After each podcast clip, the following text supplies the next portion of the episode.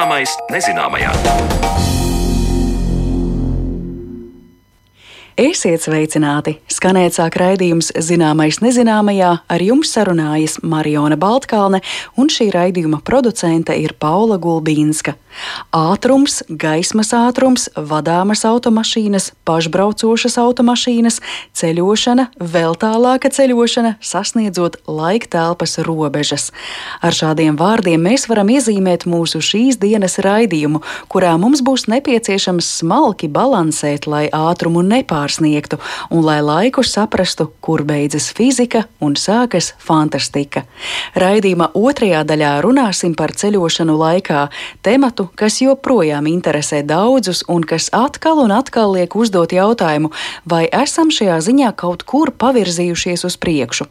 Bet raidījumu sāksim ar to, kā mūsu organisms un tā vestibulārais aparāts jūtas dažādās automašīnās un neierastā vidē, proti, virtuālajā realitātē.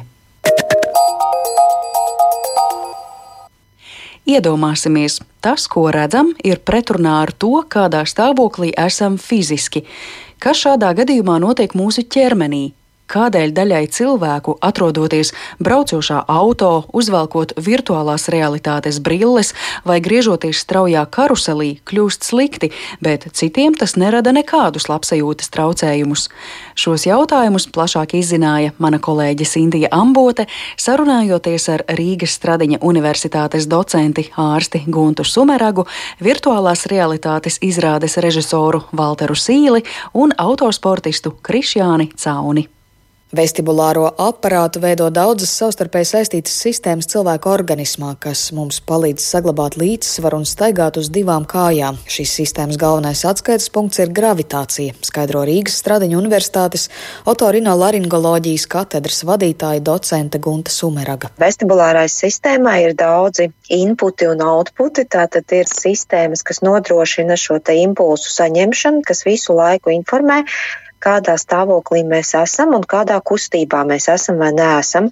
Un tad ir tie outputi, jeb tālāk tiek novadīti jau uz šiem te darbīgajiem orgāniem, proti visvairāk tie būs muskuļi, bet arī acis, lai mēs nodrošinātu joprojām to, ka mēs staigājam perpendikulāri zemes virsmā, ja vien mēs neizdomājam citādāk. Tad ar apziņu mēs varam izdomāt, ka mēs ar tabulsimies vai metīsim kūleni, bet ja strādā šī vestibulārā sistēma savā bāzes režīmā, tad mēs mums ikdienā nav, piemēram, pie tā jāpiedomā, ka mēs staigājam taisni Informāciju par to, kādā stāvoklī ir mūsu ķermenis un vai tas kustās, vestibulārajai sistēmai sniedz trīs galvenie avoti - iekšējās auss receptori, redze un receptori lielajās locītavās muskuļos un cīpslās. Piemēram, no iekšējās auss nākot informācijai, tā vēl nesasniedzot smadzeņu garozu, uzreiz tiek novadīta tālāk un apstrādāta smadzenītēs vai smadzeņu stumbrā, kur apziņa vēl nav klātesoša. Tālāk pa muguras smadzenēm informācija uzreiz tiek novadīta uz ķermeņa muskuļiem par to, kādā pozā tiem jābūt jābūt, kuriem muskuļiem jāsaraujas vai jāatslābst, lai mēs noturētu līdzsvaru. Tad, kad nonāk līdz apziņai, protams, ir šie centrālā smadzeņu garozi, kas to visu apstrādā un kur jau mēs saprotam ar prātu, ar apziņu, kādā mēs stāvoklī esam un ko mēs gribam ar to darīt, vai mēs gribam vēlties vai kūleņus mest vai iztaisnoties vai ko citu darīt. Nu, lūk, ja ir konfliktējoša informācija, tad tur arī veidojas tā sauktā tautā jūras slimība, jeb šīs kinetozes. Piemēram, acis saka, ka mēs kustamies, kusties. Piemēram, proprio receptori, šie dziļie receptori cīpslās muskuļos saka, nekā nebija, mēs nekustamies, jā, un iekšējā savs saka vēl kaut ko citu pavisam, jā. Bet, nu, tā nav tikai jūrā, tā ir arī, teiksim, braucot mašīnā, piemēram, šūpojoties karuseļos. Gluži tāpat kā sāpju slieksnis, arī vestibulārā aparāta jutīgums ir katram individuāls. To apstiprina arī pieredzējušais rallijas turmanis Krišānis Caune, kas ātri braucošā un nestabilā mašīnā ilgstoši spēja lasīt karti, bet ar reiboņu un sliktas dušas dušas simptomiem nekad nav saskāries? Nu, man laikam ir paveicies, ka man nekad nav bijusi absolūti nekāda problēma ar šo ikdienā braucot.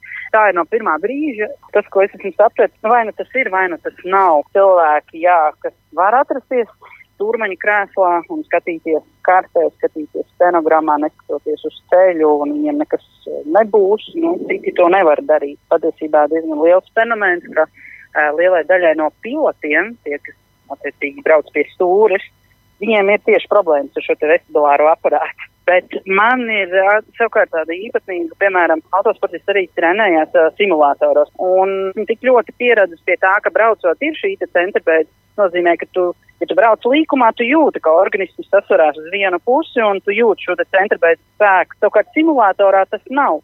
Un šajā gadījumā man prāts pieslēdzās un saka, tā nav braukšana. Tas ir tāds acu apmāns, bet uh, ne, es neteiktu, ka man ir uh, diskomforts tajā, bet es kaut kā ar prātu nevaru tam noticēt līdz galam. Izaicinājums jutīgam vestibulāriem aparātam mūsdienās var būt arī tehnoloģijas, kā piemēram virtuālās realitātes brilles vai 3D brilles kinoteātrī.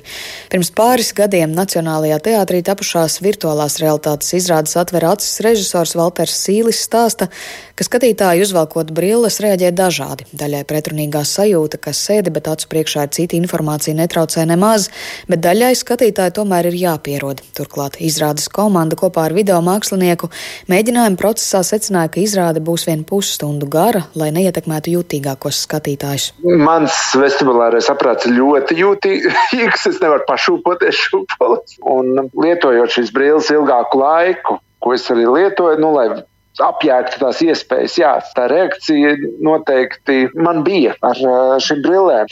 Un mēs arī par to kaut kā arī savā ziņā spēlējāmies arī pašā tajā darbā, ka nu, tā disonance starp to, ka tev attēls kustās, tev viss apkārt kustās, bet tavs ķermenis nekustās nu, viņš rada noteiktas reakcijas. Un izrādi vēl joprojām spēlējam. Tātad eh, gana daudz cilvēku ir, kuri ļoti brīvi ar to darbojas. Bet, nu, protams, šeit tā iespēja bija. Ja pēkšņi paliek grūtāk, tad aizvērt acis. Un, nu, mums te izrādē cilvēkam ir iespēja lidot. Un ir cilvēki, kas to var brīnišķīgi izbaudīt, bet ir cilvēki, kuri tajā brīdī nu, vienkārši aizver acis un pagaida, kad šī viskaistākā, grandiozākā epizode beidzās. Jo tas ir drusku par sarežģītu nu, to savas esības attiecības, to, ko tu redzi, dzirdi, nu, nesaskaņas sajūtu nu, izturēt. Vestibulārā aparāta darbību var trenēt, vai īpaši lielas jutības gadījumā izmanto arī medikamentu terapiju. Dažādas nopietnākas saslimšanas, kas saistītas ar vestibulāro sistēmu, pēta un ārstē gan neiroloģi,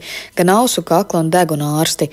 Dr. Gunta Sumeraga stāsta, ka ārstēšanas jomā gadu gaitā attieksme un metodas, kā uzlabot tieši par līdzsvaru atbildīgās sistēmas darbību, ir kardināli mainījušās. Jo agrāk bija tā, ka noteikts, piemēram, slimības, tā pati meņēra slimība, kas raksturojas ar šiem vestibulāriem traucējumiem, un tad sākotnēji pacientus vispār viņiem aizliedza kustēties, jo kustības viņam izraisīja šo reipšanas sajūtu. Beigās bija tā, ka viņi ar šo Filadelfijas apkaklī staigāja, lai būtu minimāls galvas kustības un tā tālāk tālāk. Un, protams, ka tas rezultāts bija slikts, tad arī daudzi veica operācijas iekšējā ausī. Šobrīd ir tā, ka tas ir kardināli mainījies, jo pirmām kārtām mēs liekam kustēties, liekam vingrot, jo vairāk reibst, jo vairāk mēs liekam staigāt. Un tad, nu, protams, ka visu ievērot drošību un pieturot un kopā ar attiecīgo speciālistu, bet tas ir mainījies tātad no šīs te imobilizācijas tieši uz otrādu uz kustīgumu, ja, reipšanas un vestibulāro traucējumu gadījumā. Vestibulārā aparāta darbība pamatā stabilizēs bērnībā aktīvi kustoties, kas šai sistēmai ļauj pierast pie dažādām impulsīvām kustībām vai pātrinājuma.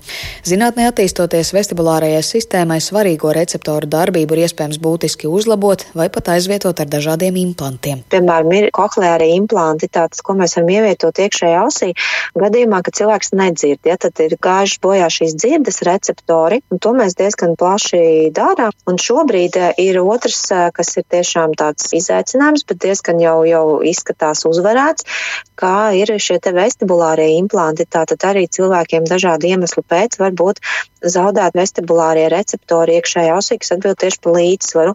Un tad arī vestibulārai sistēmai daudzi šie informācijas devēji paliek paliek acis, mums paliek um, šie receptori locītavās, tad cilvēks iemācās, var staigāt un visu pārējo, bet, protams, ka noteiktās situācijās tā stabilitāte var būt um, traucēta. Ja? Un tad ir izdomāts šobrīd uh, jau klīniskajā aprobācijā šie vestibulāri implanti, ka arī mēs ieliekam speciālu elektrodu šajos pusloka kanālos, kas dod informāciju atkal par šo kustību un tad tālāk tiek analizēta. Tā kā jā, mums ir, uh, es domāju, ka uh, vestibulārā sistēma joprojām ir aktuāli. Noteikti ir vērts pētīt. Jā.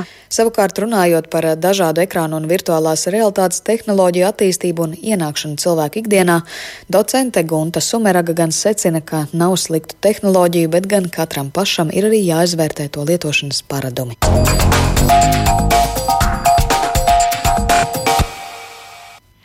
Paldies par sagatavoto sižetu Sintijai Ambotei. Mazliet esam paceļojuši dažādos automobīļos, tostarp virtuālajā realitātē, bet kā būtu ar ceļošanu laikā, kur novelkama robeža starp akadēmisku fiziku, filozofiju un fantastiku, to pēc brīža skaidrosim raidījuma otrajā daļā.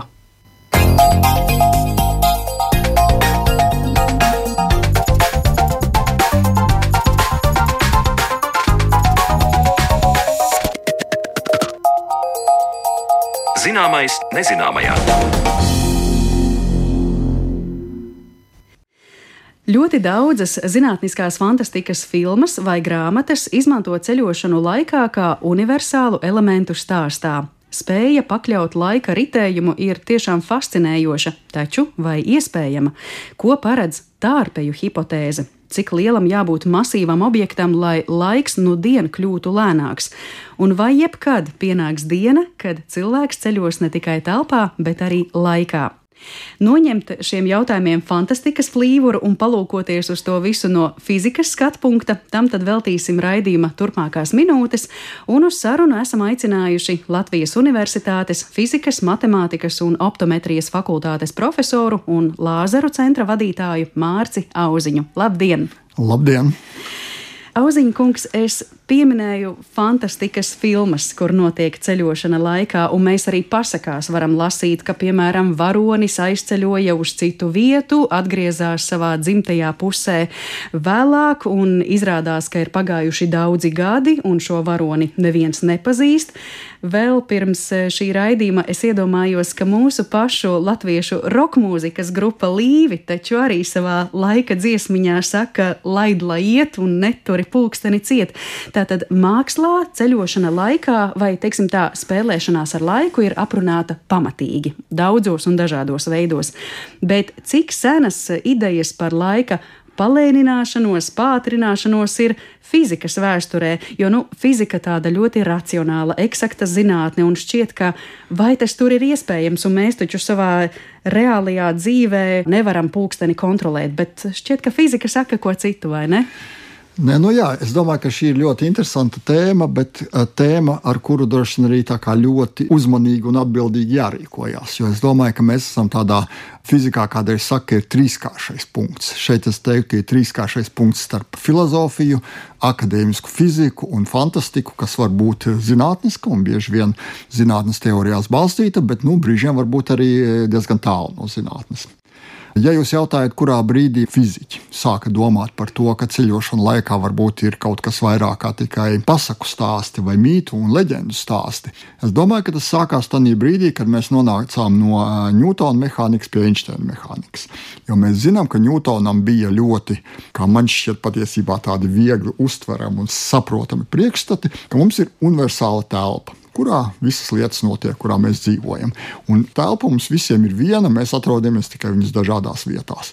Un vēl svarīgāk šīs dienas sarunas kontekstā, ka mums ir universāls laiks, ka laiks jums, laiks man, laiks marsiešiem ir viens un tas pats. Un tad nāca Einsteins, mēs zinām, ar veselām divām relativitātes teorijām, ar speciālo relativitātes teoriju un vispārīgo, un katra drusku citādi skatās uz laiku. Kā mēs zinām, Einsteins teica, ka ne, ne, katram no mums var būt citāds laiks, pie tam nevis mūsu psiholoģiskais laiks, ka nu, kādam viņš šobrīd velkās ļoti lēni, tāpēc ka viņam šķiet, ka saruna nav interesanta, kādam varbūt šī saruna aizrauja. Viņš saka, redz, cik ātri paskrēja laiks, bet tad, kad mēs runājam par šo Einsteina laiku, tas ir objektīvi mērāms laiks, jūsu pulkstenis un mans pulkstenis, un ka šie pulksteņi var iet atšķirīgi. Un līdz ar to mēs varam nonākt dažādos laika brīžos atkarībā no tā, kur mēs atrodamies, cik ātri mēs pārvietojamies, kādā fizikālā situācijā mēs esam. Tad sanāk, ka tas fantastikas plīvurs no fizikas eh, skatu punkta raugoties tiek noņemts 20. gadsimtā.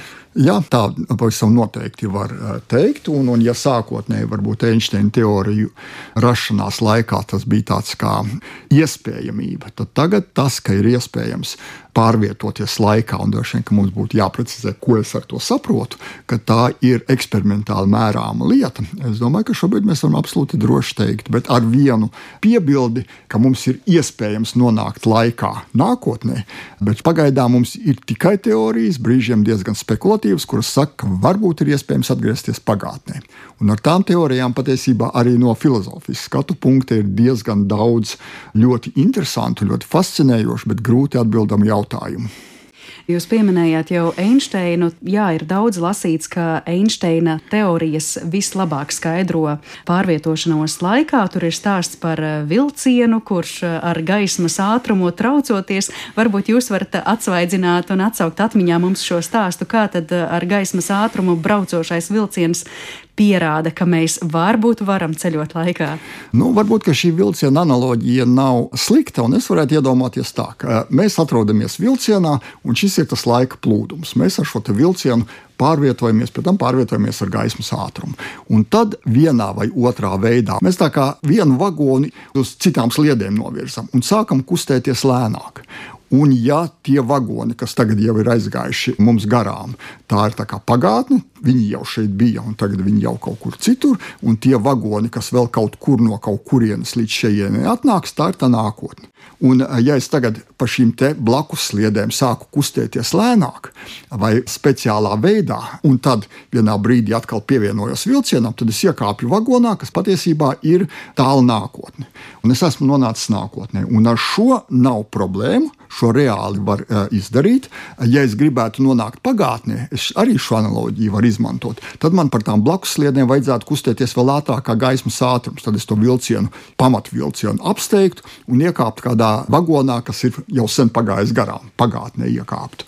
Bet ar iekāpšanu pagātnē nu, no vienas puses būtu interesanti. Es domāju, ka katrs no mums savā dzīvē arī kādā brīdī iedomājās, ka, nu, ja es varētu vēlreiz šo darīt, es tagad tā kā citādi darītu. Ja es varētu tādā pagātnē atgriezties, es varbūt nedarītu tā, kā es toreiz izdarīju.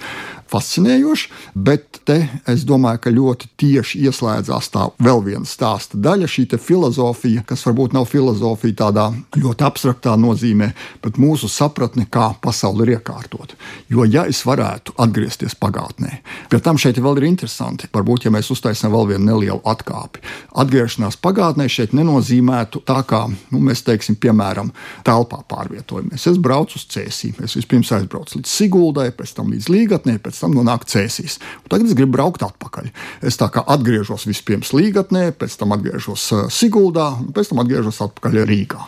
Laikā nekad šāds stāsts nenotiek. Arī manā stāstā nebija tas, ka es tagad vienu brīdi palieku tur jaunāks, pēc tam sāku studēt universitātē, pēc tam eju bērnu dārzā un tad piedzimstu. Tas tā kā Pat, stāstā par Benjaminu Batonu. Jā, šeit patiesībā es joprojām paliekot aizvien vecāks, bet paliekot vecāks, piemēram, ātrāk vai lēnāk nekā visi pārējie, nonāk vai pagātnē vai nākotnē. Bet atgriežoties pie šī pamatstāsta, ja es varētu atgriezties pagātnē un kādas lietas eh, izlabot, tad parādās konceptuāli milzīgi sarežģīti atbildams jautājums. Ir eh, tāds nu, tagad jau miris poļu fantasts un futurologs Staņislavs Lems pieņemu, ka arī klausītāja daļa vismaz ir lasījuši viņa stāstus un romānus. Un vienā no viņa romāniem ir apmēram šāda epizode, ka cilvēki ceļo kosmosā, ļoti ilgi vientulībā paliek tādi nedaudz dīvaini, un viens no apkalpes locekļiem atnāk pie kuģa kapteiņa un saka, kapteiņa kungs, es saprotu, ka ar mani ir notikušas šausmīgas lietas. Es ilgi domāju, analizēju savu dzīvi un saprotu, ka ir traki. Un tas kapteinis prasa, nu, kas tad ar tevi tad tik traks ir noticis? Viņš saka, es sapratu, ka es esmu pats sev tēvs. Un, ja mēs padomājam, tīri loģiski, ko tas nozīmē, tad viņš ir bijis pagātnē, iespējams, iepazinies ar savu māti, pieņemsim, viņam ir radušās romantiskas attiecības, mātei nekad nav radušās romantiskas attiecības ar viņu bioloģisko tēvu, nu, kaut kas ir noticis. Vai varbūt tādā globālākā skatu punktā, kādreiz mēs sakam, nu, piemēram, bija otrais pasaules karš traki, bija ļoti slikts cilvēks, Adolfs Hitlers. Nu, tad aizbraucam tādā pagātnē, nogalinām Adolfu Hitleru, lai viņš nekad nekļūtu kļūst par kancleru, neizraisa otro pasaules karu. Un, ja mēs iedomājamies, ko es ar šo saku, nu, tad mēs šobrīd atrodamies šajā pasaulē, dzīvojam šeit, kurā otrais pasaules karš ir noticis, un pasaule ir tāda, kāda viņa ir, nu arī tādēļ, ka tas vēsturiskais fakts ir bijis. Ja viņa nebūtu, ja mēs varētu aizbraukt pagātnē un izmainīt kaut kādus notikumus, lielus, mazus. Mēs zinām, vēl ir stāsts kādreiz par taureņa efektu, ka mēs izraisām kaut kādas ļoti, ļoti nelielas izmaiņas pagātnē, bet viņas akumulējās un pēkšņi šī pasaule ir pavisam citāda. Ar to es gribu teikt, ka mums būtu interesanti domāt par iespēju nonākt pagātnē, bet šis paradoks, ka nonākot pagātnē, es varu izmainīt tagadni. Šeit ir nopietna šāda konceptuāla problēma filozofi un fiziķi mēģina viņu apiet, bet man šķiet diezgan neveikli, sakot, ka mēs drīkstam aiziet uz pagātni, bet tur nedrīkst neko darīt tādu, kas izmainīs nākotni. Nu, tad, ko nozīmē, ka mēs tur drīkstam aiziet un tad tālāk? Neko darīt nedrīkstam, vai kā. Jo jebkuru soli, ko es spēršu, es kādu taureni iespējams tur varu sabradāt. Un sabradājot taureni, izmainīt nākotni. Bet tas nenozīmē, tomēr, ka par šo ceļošanu laikā atpakaļ mēs domāt eh, nevaram. Tad ceļošana laikā uz priekšu mēs vēl atgriežamies piemēram. Astronauti, kuri nu, tagad jau ilgākie laiki kosmosa stacijā ir, ir vairāki gadi, ko viņi tur ir pavadījuši. Patiesībā, atgriežoties uz Zemes, var apgalvot, ka viņi ir jaunāki, viņi ir pabīdījušies pagātnē pa dažām sekundes simtdaļām. Vai šo ir iespējams nomērīt? Droši vien, ka praktiski nav iespējams nomērīt, jo tā ir šī bioloģiskā daļa. Tur, kur to var perfekti nomērīt, patiesībā ir lielais hadrona pātrinātājs vai līdzīgas lietas. Jo, lai mēs varētu nonākt šajā nākotnē, mums ir jākustās ar ātrumu, tuvu gaismas ātrumam. Es domāju, ka ir vērts aizdomāties, cik ātri kustās protoni lielajā hadrona pātrinātājā. Mēs zinām, ka gaismas ātrums ir 300 000 km/h, jeb 3 reizes 10 ar 8 nulēm m2. Un protoni hadrona pātrinātājā nesasniedz gaismas ātrumu pat 3 metriem sekundē no šī milzīga astronomiskā liela ātruma 3 m2 pietrūkst. Un, ja mēs sarēķinātu, kā tur ir izmainījies laiks, tad elementāra daļiņa, kura piemēram ir radusies hadrona pātrinātājā, un viņai ir kaut kāds dzīves laiks, pēc kura viņa sabruktu, ja viņa atrastos laboratorijā, nekustētos. Tad šī lielajā ātrumā pārvietojoties, viņa dzīvo vairākus tūkstošus reižu ilgāk nekā viņi dzīvotu laboratorijā. Un šo mēs jau droši varam nomērīt. Līdz ar to kustēties laikā uz priekšu, nonākt nākotnē, mēs varam. Un es gribētu teikt, ka patiesībā tas visu laiku notiek. Bet tad sanāk, ka tas, ko jūs tikko teicāt par elementāru daļiņām un sasaistot to ar iepriekš minēto stāstu par vilcienu un Einsteina relativitātes teoriju, tad tas atslēgas vārds ir ātrums. Ātrums noteiktu to, ka mēs varbūt varam paceļot laikā. Uh, divas stāsta daļas. Viena stāsta daļa - ātrums, un tā ir šī speciālā Einsteina relativitātes teorija. Otra daļa ir vispārīgā relativitātes teorija un gravitācija. Patiesībā, tagad, kad mēs atrodamies uz Zemes šeit, mūsu laiks jūsu, mans, rit lēnāk nekā ja mēs atrastos ārpus Zemes gravitācijas lauka. Nekustētos, bet būtu ārpus Zemes gravitācijas lauka. Ja es pareizi atceros, un ceru, ka es pareizi atceros, ka diennakts laikā mūsu laiks ir palielinājies apmēram par 60 mikrosekundēm. Tas nozīmē, ka mēs nodzīvojam nu, nezinu, kādus simtus gadus, tad droši vien par pāris sekundēm mēs esam novecojuši lēnāk nekā ja mēs būtu novecojuši ārpus gravitācijas lauka. Tā kā šeit ir otra stāsta daļa, kas patiesībā pēc sava tā ietekmīguma, jeb cik lielas ir šīs novirzes, nav īpaši mazāka par šo kustēšanos ar ļoti lieliem ātrumiem. Un arī viena lieta, kur mēs patiesībā ikdienā sastopamies ļoti praktiski. Es domāju, ka šobrīd mēs neatradīsim daudz cilvēku, kur neizmanto GPS, lai orientētos vienā vai otrā veidā. Un tad pulkstenis, kas atrodas uz Zemes pavadoņa, viņš iet ātrāk, tādēļ, ka, ka viņš atrodas mazākā gravitācijas laukā nekā pulkstenis uz Zemes, un iet lēnāk, tāpēc, ka viņš kustās ar lielu ātrumu. Un abi šie efekti ir jāņem vērā un reāli jākoriģē GPS pavadoņa pulkstenis uz šīm efektiem Pretējā gadījumā mēs noteikti, kur mēs atrodamies uz Zemes, varēsim ļoti neprecīzi. Tā kā tas arī pierāda, ka patiesībā gan laika palēnināšanās gravitācijas laukā, gan laika palēnināšanās ātri kustoties, abi ir reāli efekti. Un kaut kādā ziņā mēs ar jums viņus ikdienā izjūtam. Teiksim, mēs, kā jau teicu, mūsu bioloģiskie procesi un līdz ar to novecošana uz Zemes notiek lēnāk nekā, ja mēs būtu kaut kur visumā, kur gravitācijas nav. Jā, šī ir viena no tādām visbiežāk dzirdētajām teorijām, skaidrojumiem par to, kā mēs mūsdienās varam nu, reāli sakot līdzi ceļošanai laikā šie GPS satelīti un planētas Zeme.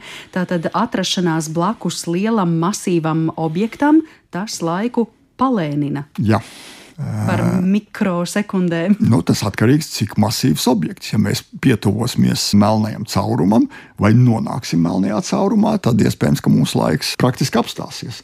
Un šī varbūt ir tā stāsta daļa, kas ir varbūt mazāk eksperimentāli pārbaudīta un vairāk no tādas spekulatīvas puses, ko ļoti izmanto arī zinātniskā fantastika, ka mums ir laika telpa, nu, tā kā tāda gumijas membrāna, un, ja tur atrodas masīvs objekts, tā membrāna ieliecās, un viss ķermeņš tiecās uz to bedrīti, ko masīvais objekts ir izveidojis. Un ar šo mēs varam pierādīt vai runāt par to, ka tas patiesībā nozīmē arī laika palēnināšanos.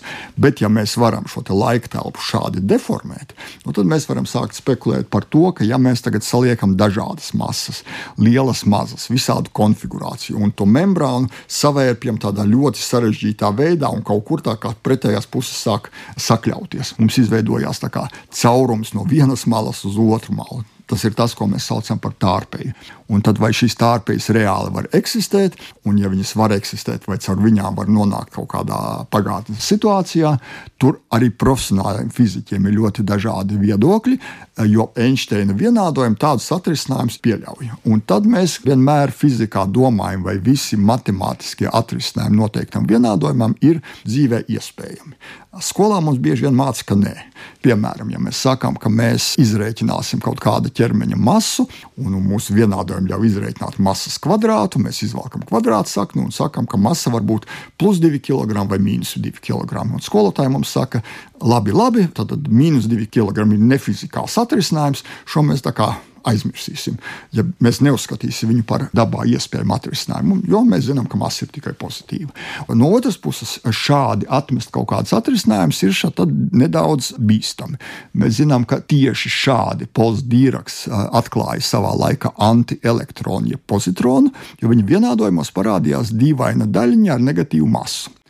Viņš teica, ka nu, tāda daļiņa nevar būt, un vairākus gadus viņu nolika malā un par viņu nedomāja. Tad viņš vienā brīdī teica, bet, ja nu tomēr, ja mēs tagad viņu uzskatīsim, ka tā nav viss elektrons ar negatīvu lādiņu, bet tāds pats elektrons tikai ar pozitīvu lādiņu, ko neviens tajā brīdī nebija redzējis, nosauksim viņu par pozitronu, un tad viņam arī masa būs pozitīva. Un tad šādā veidā varbūt tomēr viņš ir iespējams. Un izrādījās, ka mēs, fiziķi, eksperimentatori, pētījām un atklājām. Līdz ar to atrisinājumu, kas varbūt mums šķiet nefizikāli, dīvaini, neiespējami, nu, tā kā viņus galīgi izslēgt nevajadzētu. Šis tārpejas.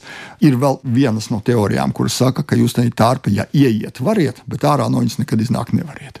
Jo tur ir atkal fizikāli iemesli, kāpēc esot viņa tārpejā, kāpēc viņa sakļausies un no viņas ārā tik nevarēs. Līdz ar to mēs tā kā varam vienā virzienā doties, bet nu, tādā pagātnē īsti nonākt nevaram.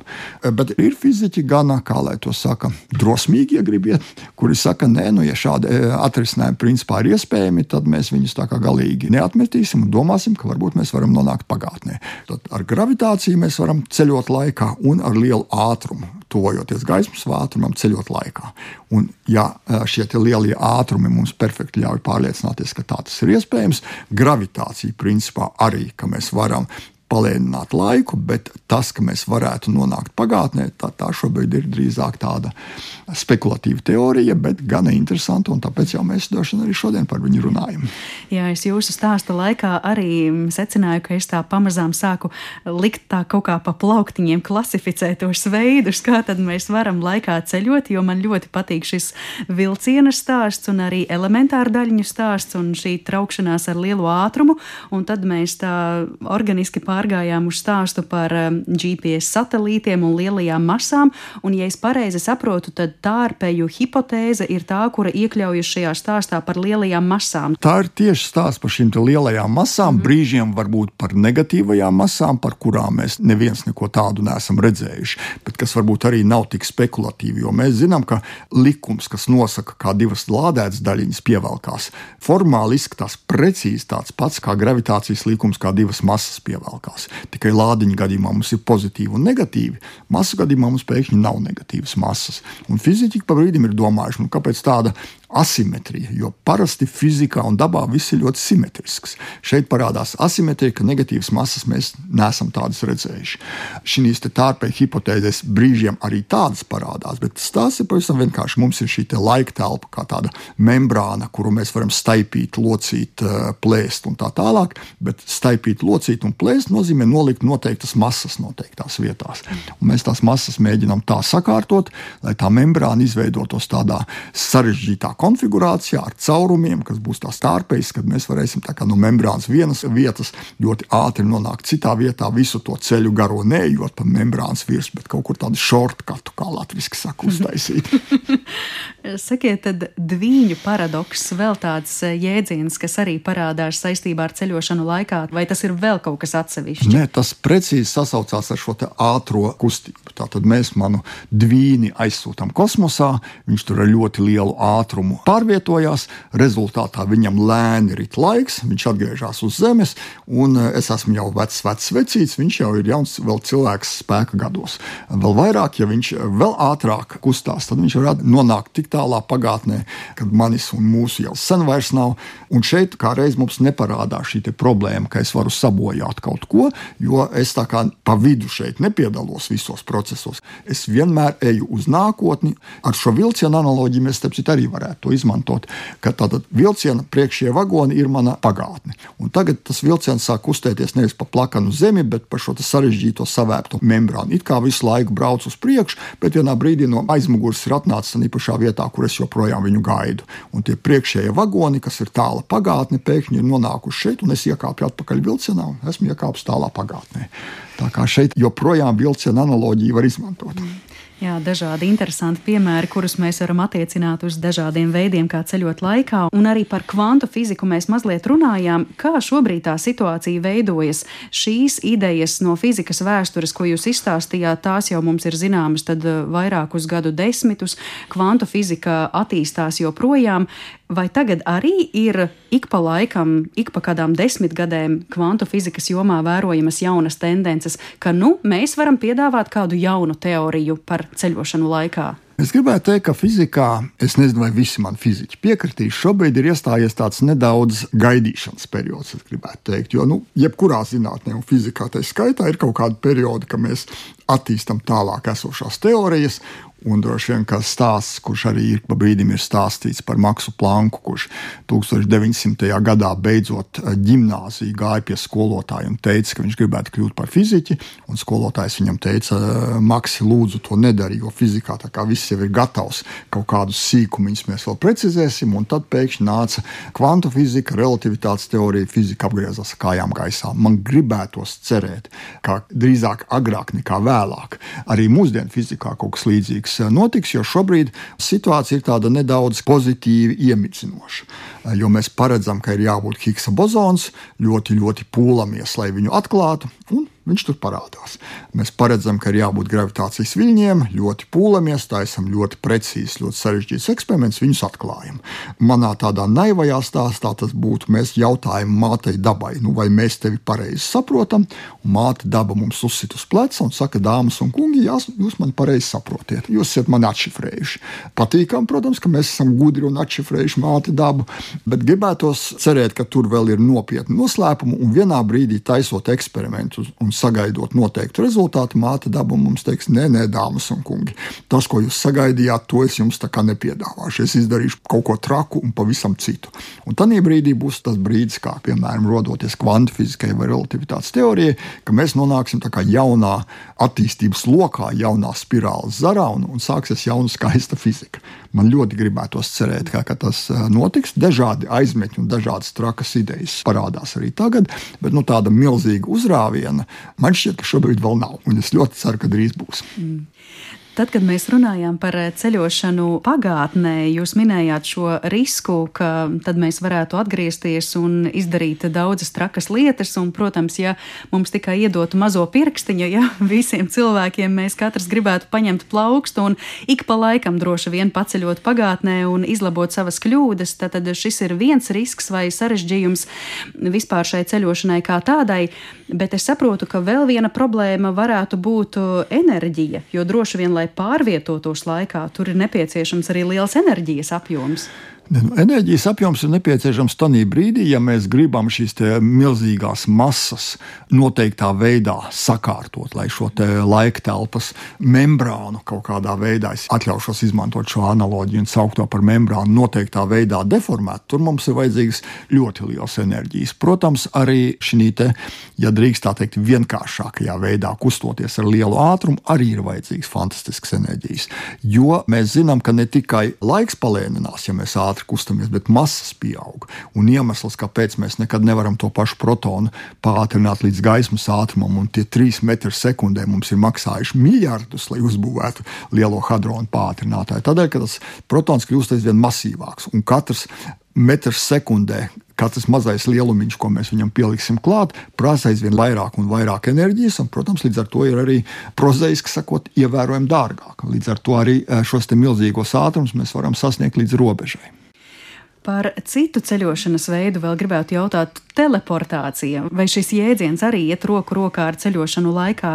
Nē, teleportācija ir kaut kas no citas operas, jo, ja iepriekš mēs runājām par gan speciālo, gan vispārīgo relativitātes teoriju, tad šeit mēs nonākam tiešā kvantu fizikas lauciņā atkal. Un teleportācija nozīmē no vienas vietas pārcelt kaut kur citā vietā, momentāni, eh, ja gribiet, eh, un tā tālāk. Noteikti teleportācijas efekti kvantu fizikā ir iespējami, pierādīti un labi izpētīti, bet jāsaprot arī, kas tur notiek. Mēs patiesībā paņemam kvantu objektu, piemēram, atomu. Un kvantu fizika, kā mēs zinām, nevienmēr mums ļauj precīzi pateikt, kāds viņš ir. Mēs visu par viņu zināt nevaram. Mums ir noteikti ierobežojumi, nenoteiktības sakrības, kas saka, kaut ko mēs varam zināt, kaut ko nevaram. Un tad mēs izdarām ļoti viltīgi. Mēs vienā vietā viņu iznīcinām, līdz galam neuzzinot, kāds viņš ir. Un citā vietā uzbūvējam precīzi tādu pašu, varam garantēt, ka viņš ir precīzi tāds pats kā tas, kuru mēs eh, iznīcinājām, lai gan mēs nezinām, kāds viņš bija. Bet tas, ka šis arī nezinot, kāds viņš ir, bet ir simtprocentīgi tāds pats kā sākotnējs, mēs varam garantēt. Līdz ar to tas nenozīmē, ka mēs šo atomu no vienas vietas momentāli pa kaut kādu tārpeju noliekam citā vietā. Tas ir cits atoms, kuru mēs radījām, bet mēs radījām absolūtu eh, analoģiju. Un, ja mēs to varam izdarīt ar atomu, tad vismaz teorētiski mēs varam domāt, ka mēs varam izdarīt ar daudziem atomiem galu galā varbūt arī ar cilvēku. Protams, šeit parādās atkal visādas problēmas, jo, ja es teiktu, ka, nu, labi, es ticu kvantu fizikai, tad izjauciet mani pa atomiem šeit un salieciet mani kaut kur eh, citā vietā.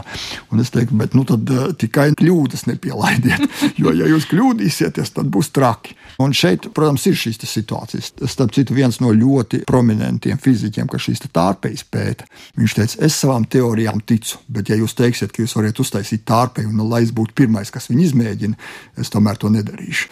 Jo šīs ir zināmā mērā spekulatīvas teorijas, bet par šo te teleportāciju, jā, tā, tā ir iespējama. Tur gan parādās situācija, ka patiesībā mēs to arī nevaram izdarīt ātrāk par gaismas ātrumu, jo tur ir jābūt tas, ko fiziķi un komunikācijas speciālisti teiktu, ir jābūt klasiskajam kanālam. Tad mēs noraidām zināmu informāciju arī nu, tādā standarta veidā, tā kā mēs informāciju pārraidām pa vadiem optiskiem vadiem, vai varavadiem, vai radioviļņiem. Tas vairs nav tik būtiski, bet pārraidām ar ātrumu, kas nepārsniedz gaismas ātrumu. Bet, principā, teleportācija vēlreiz no kvantu fizikas viedokļa ir reāla lieta kuru eh, var realizēt, un atomu līmenī viņa tiek eh, realizēta, demonstrēta, ka jā, mēs varam šo atomu vienā vietā iznīcināt, otrā vietā radīt ar garantiju precīzi tādu pašu atomu tad es saprotu, tā galvenā atšķirība ir tāda, ka tārpējas gadījumā tas ir kāds uh, tunelis, kurā kaut kas pārvietojas tāds, kāds tas bija sākumā, tāds tas ir arī beigās, bet teleportācijas gadījumā mēs izjaucam to, ko mēs sūtam šajā vienalga tunelī vai caurumā, bet kāpēc šis izjaukšanas princips ir tik svarīgs? Protams, atkal, tas ir ļoti viltīgs apgalvojums, vai tam būs praktisks pielietojums vai nē. Bet man vismaz nav šobrīd sajūta, ka to mēs kādā tuvākā nākotnē darīsim ļoti praktiski. Šis vairāk ir jautājums par to, vai mēs precīzi saprotam, kā kvantu objekti uzvedās, kā mēs viņus varam manipulēt, kā mēs varam viņus mainīt. Un uh, mēs saprotam, ka šo kvantu objektu sapīto stāvokli, vēl viens svešvārds, vai kvantu daļiņu manipulācija ir tas, kas ir kvantu datoru uh, pamatā. Mēs redzam daļiņu kvantu stāvoklī, un tad ar viņu darām dažādas operācijas, tāpat kā parastā skaitļotājā ar normāliem elektriskiem impulsiem. Šeit mēs pārveidojam šos kvantu objektus un rezultātā iegūstam kaut kādu skaitļošanas rezultātu. Un es domāju, ka šādā nozīmē šī kvantu teleportācija ir svarīgāka, lai saprastu, kāda ierobežojumi, ko mēs varam darīt, ko mēs nevaram darīt. Starp citu, šī kvantu teleportācija ir tieši saistīta ar vēl vienu stāstu par kvantu neklonēšanas teorēm, jo šeit ir vēl viens interesants moments. Nu, es saku, šeit mēs viņu iznīcinām, un šeit mēs radām jaunu. Jūs varat teikt, kāpēc mums tā sākotnēji ir jāiznīcina? Jā. Vienkārši radām tur to jauno. Un šeit ir absolūti precīzi pierādāms, ka mēs šo neiznīcinot, nevaram radīt precīzi tādu pašu citā vietā, jo mēs nezinām, kāda viņa ir. Un, lai mēs precīzi uzzinātu, ko mums tur ir jārada, tad mums viņa ir jāizpēta, un tad mēs viņu iznīcināsim. Līdz ar to mēs nevaram uztaisīt daļiņas kopiju kvantu fizikā, un tas ir visas kriptogrāfijas patiesībā pamatā, jo es nevaru noklausīties šifrētu eh, ziņojumu, ko man pārraida kvantu daļiņas. Eh, noklausījos, eh, pēc tam uztaisīju tādas pašas vietā, izsūtīju tālāk, un neviens nezina, ka es esmu noklausījies. Ja es noklausījos, es viņus iznīcināju, un ko taisīt vietā, es īsti nezinu. Un šeit es viņus iznīcinu, neuzzinot, nenoklausoties to daļiņu, neuzzinot, kāda viņi ir, bet viltīgā veidā viņi pārstāj eksistēt vienā vietā, un tad es zinu, ka es arī nezinot kādu precīzi, bet es esmu uztaisījis tieši tādu pašu. Vienīgais, ko es garantēju, ka viņi ir tieši tādi pat kā iznīcinātā. Kāda viņa ir, es nezinu. Lai, piemēram, pagatavotu ēdienu uz upu vai salātus, tie ir jāsadala sastāvdaļās, lai saprastu, ko jums nākamajā reizē likt. Un pat ja jūs šo ēdienu nekad neesat gatavojis, lūk, jums recepte, ņemiet šīs sastāvdaļas un salāti un zupa top gatavi. Mēs arī runājam par to, ka, teiksim, no tāda bioloģijas skatpunkta šīs izmaiņas ceļojot laikā ir grūti izmērīt. Un tomēr es gribētu jautāt, kā ir ar avatāriem. Nu, piemēram, Džeims Kamerons, ja mēs atkal par mākslas pasauli runājam, savās filmās Avatārs mums sniedza tādu, es teiktu, ļoti ticamu stāstu, ka tas ir iespējams. Jūs eh, ievietojat savu ķermeni kādā aparātā un nokļūstat eh, citā planētā, bet vai tas tā tiešām varētu būt, vai varbūt šādi avatāri palīdzētu medicīnā? Es iedomājos, mēs sasaldējam kādus orgānus, varbūt pat embrijus, ja to ētika pieļautu, un tad tos atdzīvinam vēlāk. Es domāju, ka šis visdrīzāk ir iespējams. Nu, mums ir grūti pārliecināties, mums ir grūti nomērīt, vai jūs esat šoreiz pa divām sekundes simtdaļām jaunāka vai vecāka. Ir gandrīz neiespējami nomērīt. Un tā ir viena no filozofiskām problēmām. Bija tāds ļoti, ļoti eh, prominents franču filozofs Anri Bergsons, kurš ne tikai strīdējās ar Einsteinu, bet gandrīz tā kā nikni strīdējās, dusmīgi strīdējās abi divi. Bergsonam bija sajūta, ka tad, kad mēs runājam par mūsu laiku, bioloģiju, bioloģisko laiku. Un tad, kad fiziķi runā par laiku, ko mēra pulkstenis, ka iespējams, ka tie ir dažādi laiki. Mēs vienkārši divas dažādas lietas saucam vienā vārdā.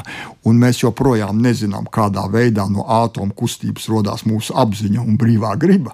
Līdz ar to, ja atomu kustās lēnāk, ja gribiet, vai tas nozīmē, ka mūsu bioloģiskie procesi tieši tāpat seko tam. Tas ir nu, tāds filozofiski grūti atbildams jautājums. Un Beksons teica, nekā tam līdzīga. Tas cilvēks, kas tur atgriezīsies no tā kosmosa, patiesībā viņš atgriezīsies tikpat vecs, kā viņš bija. Tas, ka viņa atomi tur citādi ir kustējušies, tas neietekmēs par to, kāds viņš ir cilvēks, kāda ir viņa personība. Nu, tas ir nedaudz arī e, spekulatīvi, un es domāju, ka lielākā daļa fiziķu e, nepiekritīs un teiks, ka ja atomi procesi ir notikuši lēnāk, nu, tad ķīmiskie procesi notikuši lēnāk, bioloģiskie procesi notikuši lēnāk, un mēs esam mazāk novecojuši. Bet e, kā no atomu kustības radās dzīves organisms, kurš ir spējīgs pieņemt lēmumus, domāt, priecāties, dusmoties. Un tā tālāk mums viennozīmīgas atbildes nav. Līdz ar to, vai tur pa ceļam nav kaut kādas šaurās vietas, ja tā var teikt, nezinu. Bet, ja jūs jautātu man, ja mēs to embriju būtu aizsūtījuši iesaldētu kosmosā, viņš atgrieztos tālā nākotnē, vai viņu joprojām varētu darīt to, ko biologi ar viņu varētu gribēt darīt, es teiktu, ka man šķiet, ka varētu. Jā, ļoti interesanti. Mēs izmantojam šo jēdzienu laiks, un patiesībā te saduras dažādi laiki - fizikālais laiks, bioloģiskais, un mēs arī par psiholoģisko laiku runājām, jo galu galā ikdienā ik pa laikam cits citam sakām, vai tu šodien tāds jauns, frišs, svaigs izskaties labāk nekā vakar. Bet es jums, Auziņa kungs, kā tādā īstā skolā, universitātē, sarunas noslēgumā gribētu uzdot tādu testa jautājumu. Jums jāizvēlas atbildžu variants. Tātad, jūsuprāt, vai ceļošana laikā ir izskaistinājums, ko mākslas darbu autori izmanto savos darbos, literatūrā, filmās? Variants B, varbūt tas ir tiešām cietais rieksts zinātnei, C, cilvēka kaprīze, iegriba, vai D, tiešām tas varētu būt reāls praktisks ieguvums cilvēkam. Kā jūs teiktu? Ja es neatbildēšu tikai ar vienu ciparu, bet ar vienu teikumu, tad es teikšu, nonākt nākotnē. Pavisam droši esmu pārliecināts, ka var, par nonākšanu pagātnē nebūtu droši. Tad tas ir jūsu tāds eh, e-variants. Ja? Jā, nu iespējams, ka es domāju, arī šī ideja par ceļošanu laikā mums māca pa īstam novērtēt eh, pašreizējo laiku, jo mēs sapņojam vienmēr par to, kas ir aprakstīts zinātniskās fantastikas grāmatās un attēlots filmās, un tad mēs pēkšņi saprotam, ka nu, dzīvē tas tā nav iespējams, un eh, cerams, ka tas eh, tiešām dod to sajūtu, ka nevajag nožēlot to, kas ir bijis, dzīvot pa īstam šeit un tagad, lai mēs varam pēc iespējas labāku nākotni veidot. Jo, nu, paceļot gan pagātnē, gan nākotnē, jā, Dikens Ziemassvētku stāstā skrūģam to ļāva, bet mums laikam ikdienā tas tā nesanāk, vai ne? Ne, nu, es domāju, ka būtu ļoti neinteresanti dzīve, ja mēs varētu visas savas pagātnes kļūdas vai nekļūdas izvēles, kuras tagad mēs darītu citādi, tā kā aiziet, nu, šito es tā kā gribētu tā palabot to epizodi, es citādi gribētu nodzīvot, šito es gribētu tā palabot. Man šķiet, ka mūsu dzīve diezgan daudz zaudētu no tā, jo mūsu dzīve ir unikāla. Mēs viņu dzīvojam tādu, kādu dzīvojam, ar visām savām kļūdām, pozitīvajām izvēlēm, netik pozitīvajām izvēlēm. Nu, iekšā tā varbūt ir daļa viņas skaistuma. Es saku lielu paldies jums par sarunu un atgādināšu, ka šodien mūsu studijā viesojās Latvijas Universitātes fizikas, matemātikas un optometrijas fakultātes profesors un lāzeru centra vadītājs Mārcis Auziņš. Paldies! Un par šo raidījumu parūpējās producente Paula Gulbīnska, par mūziku šai stundai gādāja Girts Bišs, Mariona Baltkalne bija pie mikrofona, un tad vēlu skaistus jūsu tagadnes mirkļus, lai patīkama diena un uz sadzirdēšanu tikšanos atkal citu reizi.